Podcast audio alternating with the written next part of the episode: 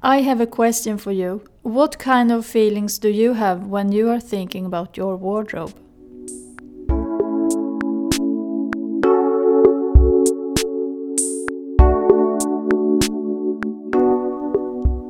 You're listening to Design the Simple Life with me, Ylva Jansson. I'm feng shui organizer and simplify coach, and mother of three wonderful girls.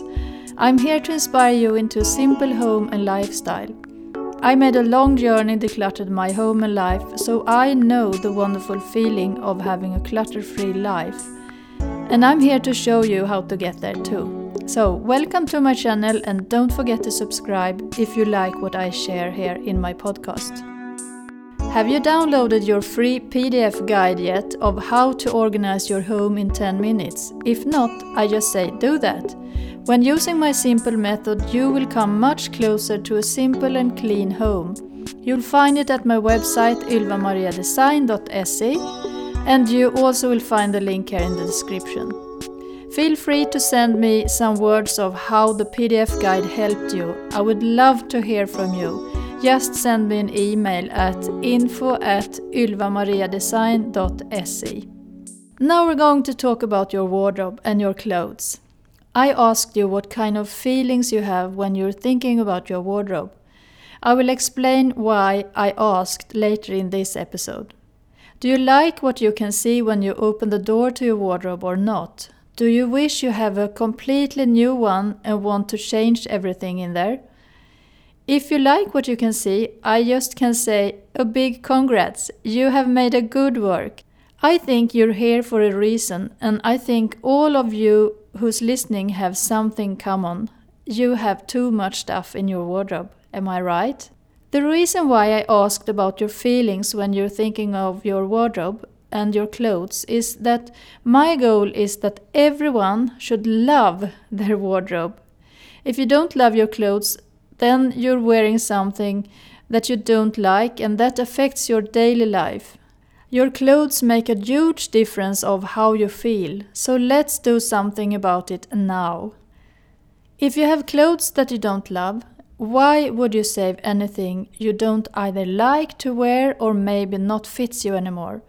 That makes no sense, I think.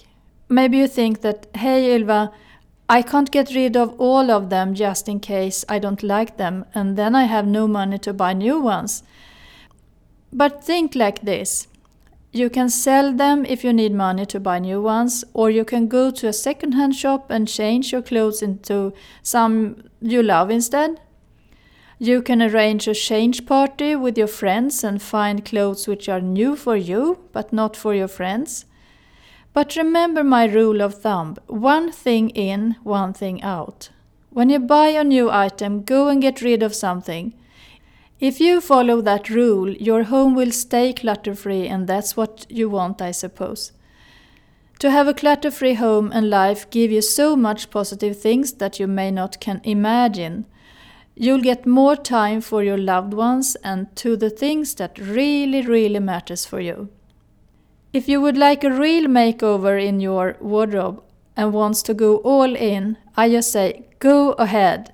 You have nothing to lose, but you may have an amount of money to build up your wardrobe again. I can help you if you need help. Just contact me, I'm here for you.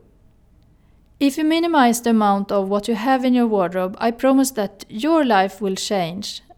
Let's imagine how it should look like if you every morning can find a wonderful outfit to wear what if you can skip all searching deep in your wardrobe and you'll find it directly when you open the doors to your wardrobe? The benefits of having a smaller wardrobe reduce your stress in the morning and you'll save time when you have to go to your work. And then when you're finished with your decluttering, the most funniest part begins. To rebuild it up again and style it in your own style and the colors that you love. Do you remember my goal? You should love your clothes. To wear clothes and outfits that you love give you more self-confidence and your life will be more happier. To match and style the wardrobe is the most funniest thing. You can start to create a mood board and you can find inspiration everywhere at internet, outside in the forest, downtown, newspapers, everywhere. If you think about it, there's inspiration everywhere when you open your eyes. I usually coach my clients to start with a color scheme that you like, of about three or maybe four colors, and then build it up from there.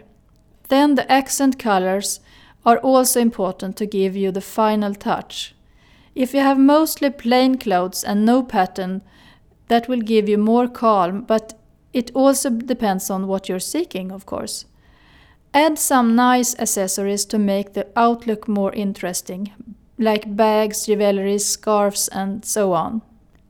So, the conclusion of having a minimized wardrobe is that you will reduce stress in the mornings and you get more time for other things than taking care of your clothes.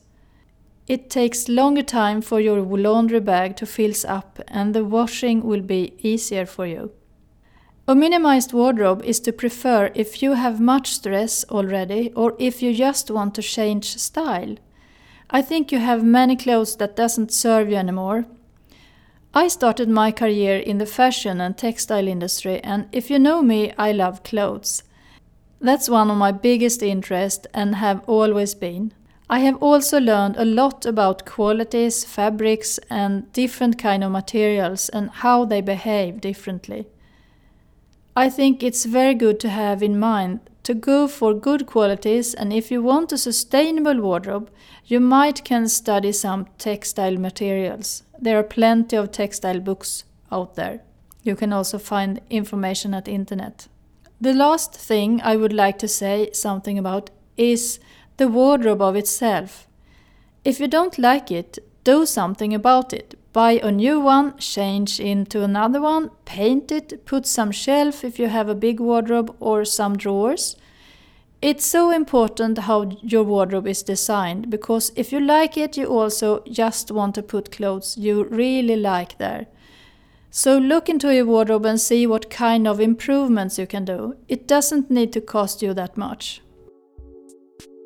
If you haven't already done my challenge, create more space in your wardrobe, I just say go and do that and your journey to a clutter free life begins. It's free and you find it at my website ylvamariadesign.se or here in the description. Don't forget to subscribe to my channel and it would mean the world for me if you leave a review in iTunes. See you next week. Take care, stay safe and simple, and remember what I said. You should love all your clothes. The other ones doesn't serve you anymore.